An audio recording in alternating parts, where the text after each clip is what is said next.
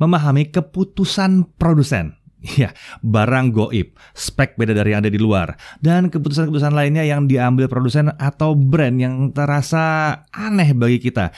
Kenapa itu bisa terjadi? Nah, berbasis pengalaman selama 20 tahun ini, saya mau sharing apa aja yang mungkin terjadi dan bagaimana cara kita menyikapinya. Kita bisa mempelajari ini sebagai catatan buat diri kita sendiri dan mungkin juga pelajaran buat kita dan uh, bisa juga untuk memberi masukan ke pihak lain secara baik.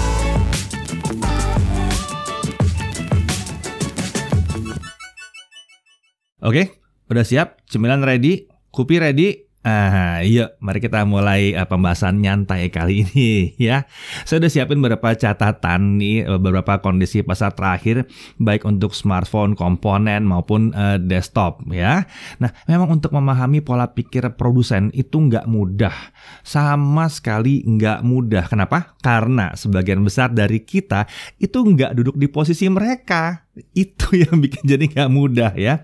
Akan tapi pada dasarnya keputusan mereka itu ya yang secara umum ya untuk memastikan kelangsungan hidup brand itu di Indonesia atau paling tidak itu yang mereka rasakan paling benar untuk memastikan kelangsungannya ya. Masalahnya banyak di antara kita yang kurang paham nih. Banyak yang maunya main hujat aja. Nah, ini udah pernah bahas nih sebutnya di podcast yang sebelumnya ya.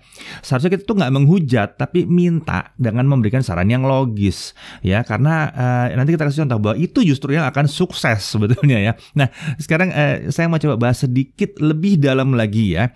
Nah, ini pengaruh sosial media sekarang tuh udah sangat-sangat kuat banget. Jadi perkataan dan komentar kita bisa jadi dasar yang sangat kuat untuk mempengaruhi konsumen yang lain. Ini juga yang membuat produsen juga harus mendengarkan ke kita. Otomatis seperti itu ya. Seru ya, seru ya. Jadi kalau ada uh, sanggahan atau kritikan gitu ya, kita bisa ikut-ikutan menyuarakan juga gitu. Kita bisa uh, nimpalin gitu. Istilahnya apa ya? Kalau misalnya ada yang ngomong, wah uh, ini buruk nih, oh iya iya tuh buruk tuh buruk tuh, kita bisa ikutan gitu ya. Istilahnya tuh apa ya? Amplifikasi atau memperkeras atau memperkuat kritik tersebut. Ya, Pertanyaan saya, apakah yakin bahwa kita sudah memperkuat sebuah kritik yang membangun? Itu yang mesti dipikirin ya pada saat kalian melihat ada tanggapan apa atau uh, komplain gitu ya. Pada saat kalian mau support, mau dukung, pikirin dulu ini. Apakah itu yang terjadi atau sebenarnya kita memperkuat sebuah black campaign? apa kita memperkuat efek dari clickbait? Nah ini yang patut dicatat. Apakah sebuah clickbait doang itu sebetulnya? Terus yang kalian, wow seru nih kita seruin. Ah itu ya. Nah bagaimana kalau ternyata kritik atau hujatan itu tidak sepenuhnya benar atau dilontarkan dengan alasan tidak tepat? Alasannya adalah mungkin bukan mau uh, membangun tapi ya biar seru aja biar rame gitu. Bukankah itu nanti kalau kalian ikutin malah jadi ikutan menjatuhkan? Uh, apa tujuan kalian emang itu?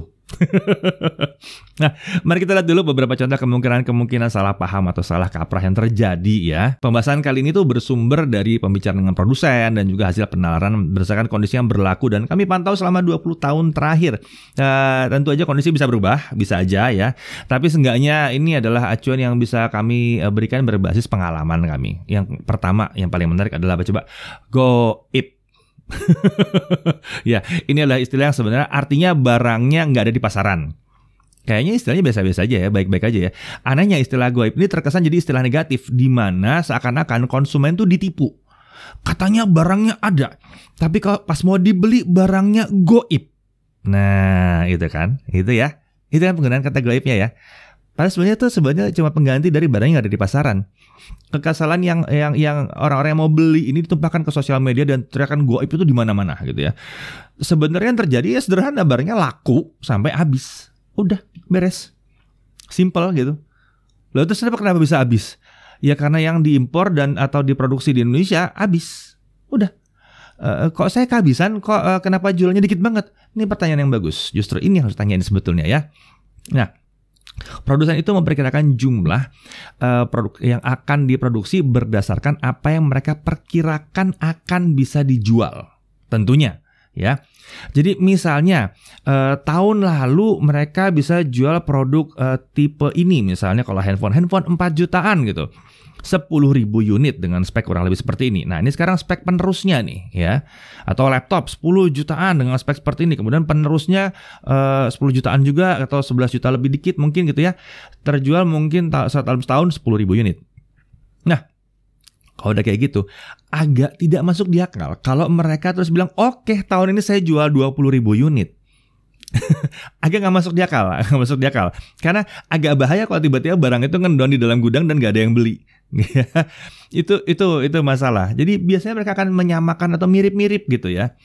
Nah, apa yang terjadi kalau ternyata permintaannya membeludak? Tiba-tiba banyak banget yang minta. Ya barangnya habis. Sederhana kan?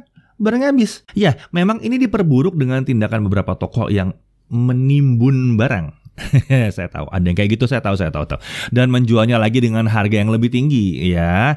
Ya itu bagi kita emang terasa kejam ya. Emang bener sih kurang begitu etis ya. Tapi ingat hukum ekonomi nggak? Ya, saat permintaan banyak dan barangnya sedikit, harganya naik. Ya, itu udah diajarin sejak kecil. Itu udah udah umum terjadi seperti itu ya. Jadi kalau permintaannya banyak dan barangnya sedikit, harganya udah bisa dipastikan naik. Nah itu kita udah belajar sejak kecil, ya nggak? Kondisi di 2020 ini jadi sedikit lebih rumit, terutama kalau buat yang komputer jadi lebih rumit. Peningkatan permintaan komputer laptop dan desktop di dunia itu meningkat drastis. Produksi itu nggak bisa ditingkatkan cepat karena ya pabriknya menerapkan physical distancing di tahun 2020 ini yang membuat mereka nggak bisa bekerja dengan kapasitas yang maksimum. Karena nggak bisa semuanya masuk terus pada terapat-terapat gitu ngerjain semuanya. Nggak bisa, kan harus dijaga juga ya. Jadi barang nggak bisa diproduksi dengan cepat. Hasilnya ya itu tadi begitu barang sesuai prediksi sudah nyampe ke pasar habis blast terus yang di Indonesia bilang eh kita mau bikin lagi. Nggak bisa cepat dibuat lagi Hasilnya, barang jadi susah ditemukan di pasaran. Nah, mengingat hal ini, saya nggak nyaranin untuk dikit-dikit pakai kata goib ya. Karena secara logis itu bisa digunakan untuk black campaign. Gampang banget. Salah-salah dukung, bisa-bisa kita udah terlibat support black campaign. Ngeri ini ya. Misalnya nih, misalnya produk A diumumkan, diluncurkan. Lalu ada yang teriak dalam komentar, goib nih, goib nih, goib nih. Bisa jadi itu agar konsumen nggak ngincer atau nyimpen duit atau nyiapin buat si produk A. Karena kenapa? Karena produk B yang jadi pesaingnya belum laku, belum habis barangnya. bisa loh, bisa loh. Atau karena produk B akan diluncurkan berikutnya. Bisa loh, bisa jadi loh. Saya nggak nuduh, tapi itu bisa terjadi. Jadi nggak perlulah paket ikut ikut ikutan teriak-teriak goib goib goib. Kenapa? Karena itu adalah sebuah uh, apa ya berpotensi jadi fitnah Kalian kan nggak tahu pada saat diluncurkan apakah benda itu akan cepat laris dan habis di pasaran sampai kalian nggak bisa beli atau enggak. Kalian baru tahu setelah itu beneran dijual, bener nggak? kalau terjadi benar, berarti teriakan goib itu benar. Tapi kalau terjadinya tidak seperti itu, apa yang terjadi? Teriakan goib itu jadi fitnah loh jadi pencemaran nama baik walaupun memang kalian mungkin gak dituntut ya kalian beruntung aja karena kecil institusinya ya Gitu ya. Nah, kemudian variasi produk tidak lengkap di Indonesia. Kenapa? Warna ini kok nggak ada, varian yang lucu itu kok nggak ada, ya? Uh, bisa jadi uh, varian tersebut hanya untuk negara tertentu karena hasil pemantauan mengatakan bahwa konsumen di Indonesia nggak suka varian warna tersebut ya kalau susah dijual, nggak mungkin kalian akan mau bantu beli dong. kalian paling beli satu, dua, mungkin sama teman kalian, sama saudara kalian. Tapi nggak mungkin kalian mau bantu uh, beli seribu biji atau dua ribu biji, ya nggak? Ya, jadi bisa jadi gitu. Memang memang pasar sudah menyatakan bahwa wah pasar sukanya warna abu-abu. Kalian suka warna kuning. Di di review reviewer luar mungkin pada bilang wah warna kuningnya keren banget. Tapi pasar Indonesia sukanya abu-abu. Kuningnya nggak dimasukin bisa jadi kayak begitu ya. Nah, dan yang jadi masalah kalau misalnya ternyata di, dipaksakan pun ya, terus barangnya nggak laku, terus nyangkut di gudang, gimana? Itu akan jadi masalah besar karena duitnya si perusahaan tuh nyangkut di situ jadinya ini nggak sehat sama sekali tidak sehat. Ya memang nggak mudah jadi jadi produsen untuk masukkan semua lini produknya ke Indonesia. Tentunya nggak mudah gitu ya. Tipe tertentu nggak masuk ke Indonesia. Ya kenapa? Ini bisa macam-macam. Kalau varian atas itu kadang karena brandnya mungkin belum percaya bahwa orang Indonesia akan membelinya. Brandnya nggak percaya. Itu kata kunci ya. Brandnya nggak percaya bahwa orang Indonesia bisa beli gitu ya. Nah, uh, mau beli barang di kelas atas kan uh, sering harus ada kombinasi uh, rasa suka pada produk dan kepercayaan pada brand. Nah, ini ini yang penting ya. Xiaomi dan Black Shark misalnya di tahun 2020 mereka belum mengeluarkan uh, smartphone versi yang paling atasnya ya. Uh, Black Shark 3 Pro, uh, Mi 10 Pro nggak datang ya. Tapi Mi 10 ada, Black Shark 3 ada di situ. Pertimbangan mereka pasti banyak ya, walaupun mungkin mereka bisa jadi juga salah perhitungan sih sebetulnya. Saya curiga salah perhitungan sih sebetulnya. Tapi ya udahlah, mereka kan berusaha untuk main aman juga di awal ya. Dan tentunya mereka nggak mau dong produknya itu uh, nyangkut di gudang gitu karena nggak ada yang mau beli ya. Jadi mereka harus memastikan bahwa barang itu uh, yang bisa dijual itu emang, emang terjangkau di Indonesia gitu. Kalau sekarang udah bisa kejual, mau siapa tahu tahun depan datang. Bisa jadi loh. Mi 11 mungkin ya Mi 11 Pro mungkin saya atau namanya apa mungkin ya. Nah setidaknya uh, sudah ada kan dari flagship mereka yang datang ke Indonesia. Berikutnya baru deh nanti masukin yang yang yang top of the top flagshipnya gitu ya. Itu pun ya bergantung pada penerimaan konsumen Indonesia ya. Kalau memang penerimaannya oke okay, ya oke okay banget. Ingat nggak uh, saat banyak yang minta Xiaomi masukin flagship atau premium yang murah. Nah, perhatikan tahun 2020 ini ada berapa yang masuk? Mi 10, Poco F2 Pro, Mi 10T, Mi 10T Pro. Hah, banyak kan? Sukses nggak? Sukses. Kalau diminta, bisa, kalau dihujat enggak. Karena kalau dihujat infonya simpang siur. Jadi bingung gitu ya. Nah, kalau kalian rame-rame bilang mending pokok ketimbang miten aja gitu ya. Mending pokok X3 ketimbang miten aja. Kita nggak suka miten misalnya gitu atau nggak sanggup lah miten buat uh, sultan doang gitu. Itu bisa jadi loh yang membaca itu wah Indonesia levelnya uh, pokok yang murah aja nih. nggak bakal mau yang di atas 10 juta nih, nggak bakal mau yang canggih-canggih nih. Ya udah, bisa jadi nggak masuk. Jadi hati-hati ya. Oke, uh, hal yang sama tuh terjadi di laptop juga. Dulu sering kita nggak nemu laptop dengan varian yang tinggi-tinggi banget. Sering banget. Sering pasar kian sering uh, menerima dan meminta. Sekarang itu udah mulai datang. Tapi lihat deh, untuk brand yang belum established banget penjualan laptopnya di Indonesia. Beberapa bahkan nggak berani mencoba untuk masuk lagi uh, mana Samsung dengan laptopnya? Belum nongol lagi ya kan? Mana Alienware? Belum nongol lagi. Asus bisa jualan sampai yang mahal-mahal. Alienware nggak nongol. Padahal itu mirip-mirip aja sebetulnya sih. Keren-keren aja. Dan banyak yang ngidam juga ya. Nah, menjual laptop laptop itu uh, memang banyak komplikasinya. Yang pertama adalah service center. Indonesia ini besar dan uh, kita itu negara kepulauan. Jadi pengiriman akan jadi biaya yang besar. Penyebaran service center tuh harus dihitung dengan baik ya. Kalau jumlah produknya uh, banyak menyebar ke mana-mana, mungkin itu nggak ada masalah menyebar service center. Jadi kalau misalnya di Sumatera banyak, di Kalimantan banyak, Sulawesi banyak, di Papua banyak, di Maluku banyak, di Nusa Tenggara banyak, di Jawa jelas banyak gitu ya, nggak apa-apa bikin service center di mana-mana. Tapi gimana kalau cuma banyaknya di Jawa doang? Nanti di uh, Sulawesi cuma ada lima orang yang beli agak repot nih kalau kayak begitu ya. Naruh satu service center, gaji satu orang aja untuk sebulan udah berapa di situ? Ini jadi masalah ya service center. Nah, uh, tapi kalau kalau misalnya kita minta misalnya Xiaomi masukin laptopnya dong, udah banyak yang bilang nih, kenapa kita nggak nge-review laptop Xiaomi? Saya bilang karena nggak resmi. Nah, kalau diminta masuk itu agak sulit karena perbaikan laptop dan smartphone itu beda. Dan kalau baru masuk, paling-paling mereka bikin service center ntar di Jakarta. Ini berpotensi menghadirkan protes dari konsumen. Ya dong, nanti wah saya belinya di Medan. Kalau rusak saya harus uh, ke Jakarta atau saya harus kirim ke Jakarta jadi lama. Ya, Pasti dong kalian komplain, tapi di awal kalian ingat nggak bahwa kalian minta itu barang masuk? Iya nggak? Iya kan? Hmm. Nah, contoh lagi, Microsoft. Ini lebih sulit lagi. Microsoft Surface itu hanya sedikit sekali variannya. Harganya pun nggak tergolong harga yang kacang goreng ya. Walaupun banyak yang nanyain sama saya kenapa nggak nggak nge-review Surface gitu ya. Ya masalahnya nanti pasti service centernya tuh akan jadi beban yang luar biasa buat harga Surface di Indonesia dong. Barangnya sedikit, harganya lumayan tinggi juga, nggak nggak miring-miring juga gitu ya. Harga jual tuh akan memperhitungkan pengembangan service center juga. Nanti kalau service center cuma di Jawa doang, kalian yang di Sumatera sama di Kalimantan protes bilang payah nih nggak ada di situ terus nggak laku. Ya, serba salah ya nggak? Jadi itu sebabnya saya nggak heran kalau hingga saat ini Microsoft belum memasukkan survei secara resmi ke Indonesia. Saya akan takjub bahkan kalau mereka akhirnya memutuskan untuk melakukannya uh, Microsoft kalau mau masuk nggak apa-apa loh. Saya sih happy-happy aja. nah, kemudian yang berikutnya lagi, varian 5G nggak masuk ke Indonesia. Ini lagi banyak yang uh, protes mengenai varian smartphone 5G di tahun 2020 nggak masuk ke Indonesia. Selain itu ada juga yang protes, kenapa 5G harus dikunci saat masuk ke Indonesia? Nah, berdasarkan pengalaman terdahulu, tampaknya itu ada hal-hal yang memang harus dicermati. Saat peraturan mengenai 5G belum ada, memang sebenarnya tidak ada masalah uh, kalau mereka mau masukin HP yang 5G-nya aktif. Toh uh, nggak ada layanannya, nggak ada aturan mainnya. Benar, benar, benar. Ya benar ya.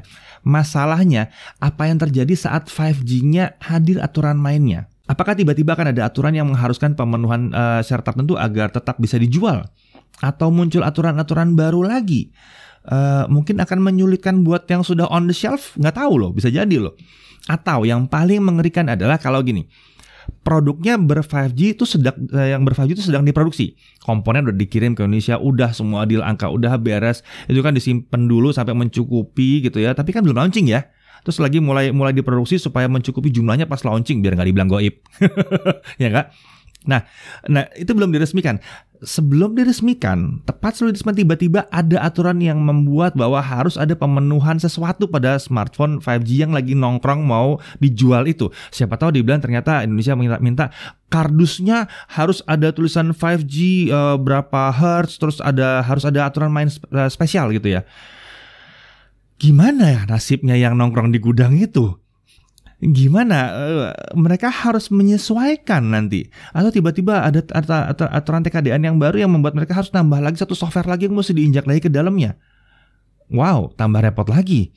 Ya, apakah uh, kalian yang uh, minta-minta bahwa itu harus wajib 5G bisa bantu? enggak kan? Kita perorangan ya, nggak bisa bantu dong ya.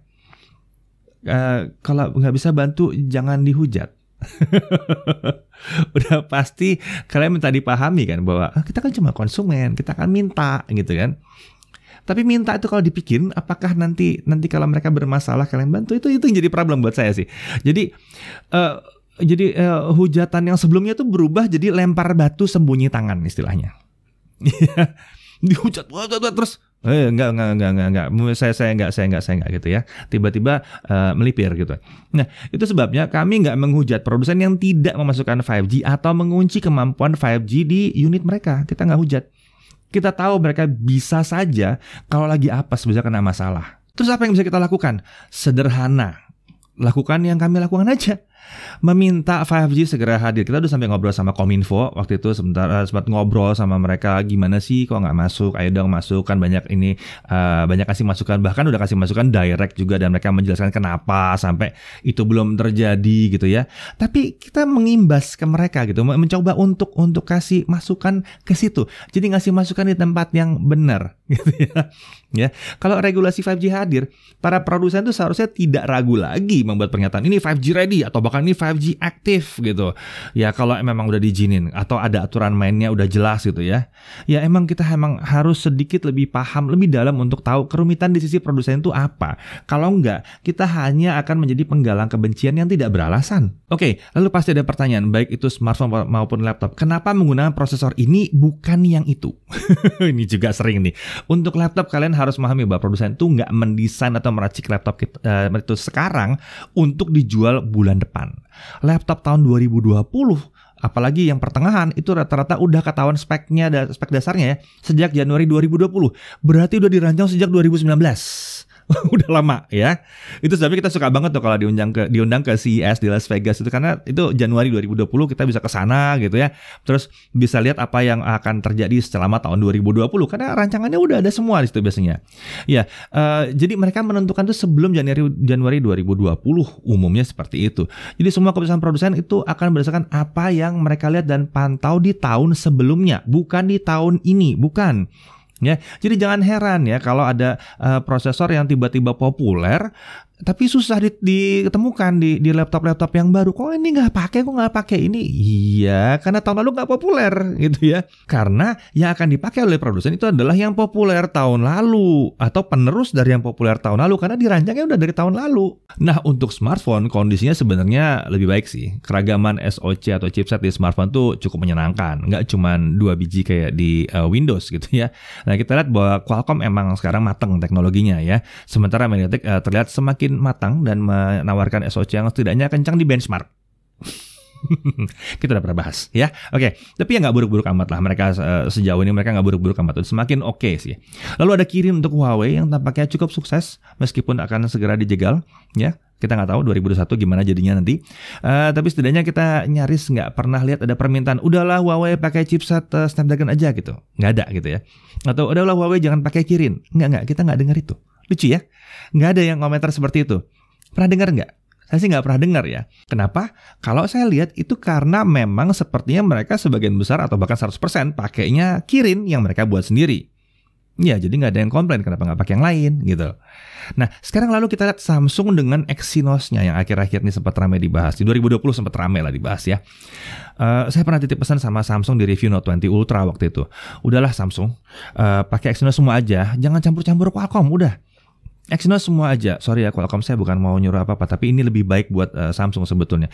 Karena kalau dicampur-campur akan terjadi hal-hal uh, seperti ini. Satu, pasti akan ada perbedaan performa atau fitur. Harus diakui Qualcomm itu emang lebih mature, lengkap mereka gitu ya.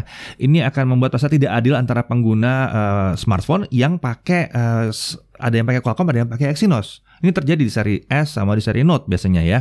Nah, uh, pasti ada beda Nah, kemudian yang yang yang memperburuk ini adalah eh, tim di Samsung yang ngurusin uh, smartphone ini, yang ngurusin Qualcomm dan ngurusin uh, yang ngurusin Exynos, itu pasti akan terpecah. Ada yang ngurus smartphone yang uh, Qualcomm, ada yang ngurus smartphone yang pakai Exynos. Katakan ada 100 orang yang ngurusin ini, akan kebelah 50-50. Nah, di sini akan jadi tambah buruk. Dalam kondisi ini ya, pada saat launching ya, kebanyakan seri Qualcomm atau Snapdragon itu hadir di Amerika Serikat dan reviewernya itu yang paling banyak didengerin seluruh dunia pada saat launching. Biasanya begitu, walaupun kita juga uh, diundang sih selalu launchingnya dan selalu keluarin reviewnya cepat juga ya. Ya, tapi intinya adalah di Amerika reviewernya yang banyak itu yang reviewer internasional. Jadi fokusnya akan uh, sangat ke versi Snapdragon ya. Jadi bukan berarti Exynosnya nggak diurus, tapi kemungkinan akan kalah fokus. Jadi mungkin tadi 50-50, eh sebentar sebentar, ini yang di Amerika kan launching pakai Snapdragon, kita beresin Snapdragonnya dulu. Nah, jadi diberesinlah dulu yang Snapdragon. Yang Exynosnya gimana? Nanti begitu ini beres kita beresin Exynos. Karena yang di Exynos tempatnya mungkin, mungkin nih baru itu mungkin nggak terlalu nggak sepenting yang di di Amerika ini karena ada ada efek dari review-review tadi juga ya. Jadi bagi kami sih sebetulnya, udah contoh Huawei aja deh, nggak ada tuh komplain bahwa wah gaming di Huawei nggak sebagus di Qualcomm, wah Huawei-nya panas kalau pakai Qualcomm enggak. Karena nggak ada yang tahu kalau misalnya Mate 30 Pro atau Mate, 4, eh, Mate 40 uh, P40 Pro misalnya gitu ya. Nggak ada yang tahu apakah P40 Pro itu akan pakai uh, Qualcomm itu jadi gimana. Nggak ada yang tahu. Karena nggak ada barangnya gitu ya. Terlepas dari itu, saya juga menyesalkan yang poin nomor dua tadi ya, masalah fokus itu ya kelihatan banget sih masalah fokus. Kenapa? Karena di awal review yang tayang itu sebagian besar itu di awal banget di, di, di kondisi awal. Jadi katakan kami di, di Indonesia dapat versinya pasti Exynos dan kita review di kondisi awal di saat di mana mungkin si smartphone dengan Exynos ini belum dioptimalkan dengan baik, ya. Nah pada saat ini terjadi kita dapat masalah, mungkin ada yang kekurangan, ada yang belum diberesin gitu ya. Kalau ini dibuat jadi video terus di up gitu ya di up ke YouTube kita udah nggak bisa edit lagi loh. Tiga tiga bulan kemudian empat bulan kemudian saat udah diberesin semua ada yang mau belanja buka YouTube nonton reviewnya oh nggak nggak nggak nggak ini jelek ini jelek jelek. Kan masalahnya ini ini ini ini ini ini. Karena kalian kan juga nggak pernah nonton nggak pernah baca deskripsi ya. Kalau kita bilang ralat di dalam deskripsi nggak ada dibilang kan? Nggak ada nggak ada nggak ada ngecek juga gitu ya.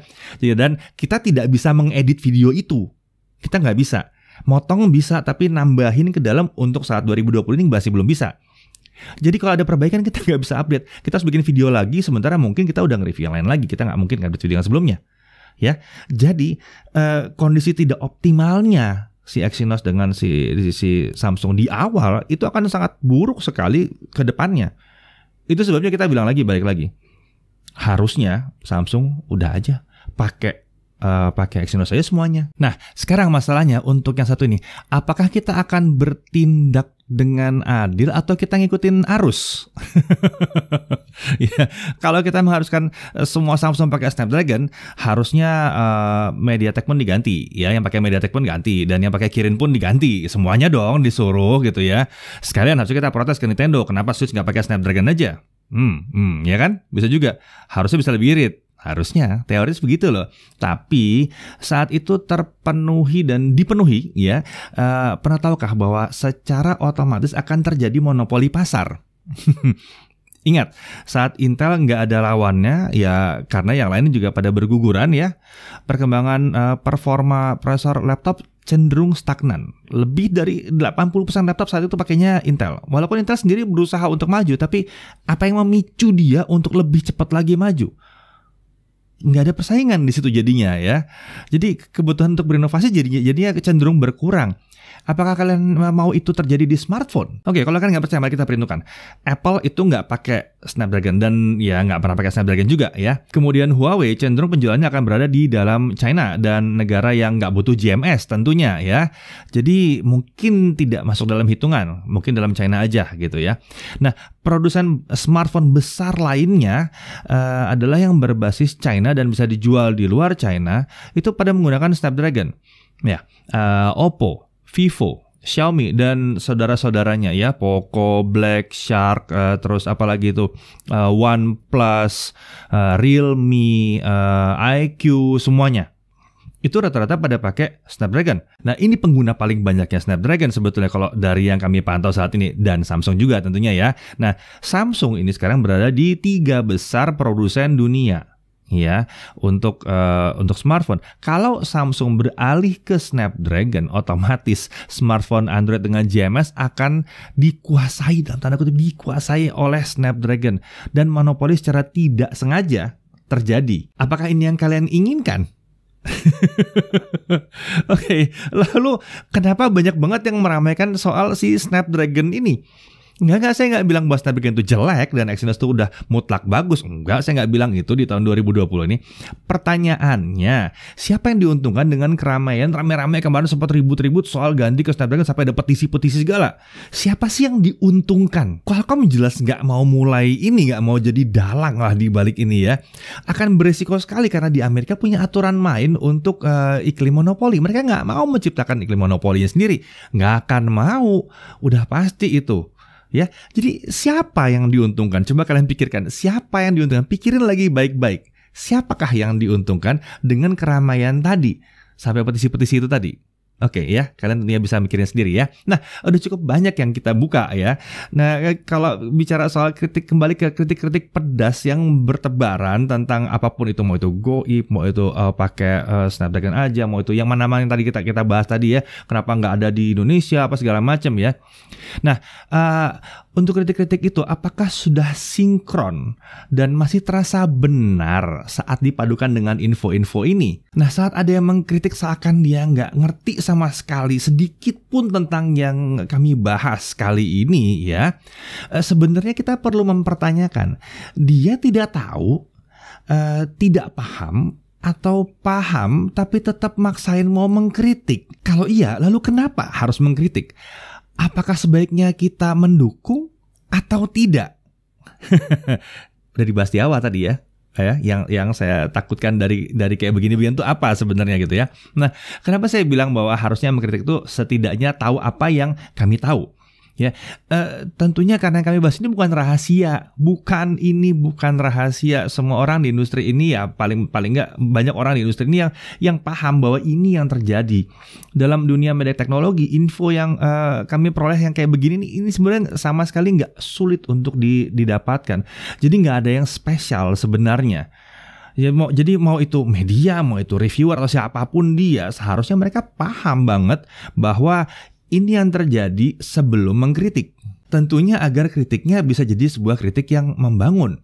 Iya, emang memahami dasar uh, keputusan produsen itu nggak nggak mudah. Kami pun tidak sepenuhnya bisa full tahu untuk semua kondisi gitu ya. Akan tapi pahami bahwa selalu ada dasar di balik itu. Menyuarakan kebutuhan dan keinginan itu sah-sah aja dan bagus sebenarnya. Tapi ya memang mesti sebaiknya paham cara menyuarakannya.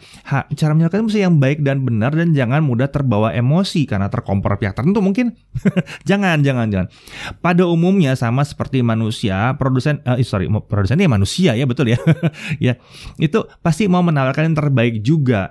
Uh, dan kalau toh mereka pernah bikin sebuah kesalahan, akan sama seperti kita juga. Mereka akan berusaha memperbaiki kesalahan juga. Wah, nggak nutup uh, kemungkinan bahwa ada aja perusahaan yang bisa membuat banyak kesalahan, ada aja ya. Tapi kalau sekacau itu harusnya mereka udah gulung tikar sendiri gitu ya, sejak lama bahkan mungkin ya. Jadi ya, bijaklah dalam berpendapat, namun terus suarakan kebutuhanmu, tentunya secara logis dan pahami apa yang terjadi di dalam industri ini. Kalau nggak ngerti bisa ditanya. Ya kita akan terbuka kok untuk ngebahas yang kayak begini-begini. Seru sih bahas yang kayak begini-begini sebetulnya. Tapi berpola pikir terbuka. Kenapa? Karena mereka juga maunya maju, mereka juga maunya kalian happy. Karena kalau konsumen happy, mereka happy. Nah itu yang mesti dipikirin ya. Bukan berarti kita mau mempersulit konsumen biar sulit. Enggak, mereka rugi sendiri. Kita tinggiin harganya biar konsumen uh, kesusahan. Enggak bakal mau mereka. Selama mereka bisa lebih le, jual banyak, konsumennya happy dan beli terus-terusan, mereka jauh lebih diuntungkan. Dan mereka tahu itu. Mereka tahu banget itu. Lebih banyak laris, lebih banyak diuntungkan. Jadi bijaklah dalam berpendapat tapi tetap suarakan kebutuhanmu secara logis tentunya ya. Karena dengan cara itu pesan dan keinginan kita akan lebih mudah tersampaikan. Saya Deddy Irfan, sampai jumpa lagi di podcast Tech Uncensored berikutnya.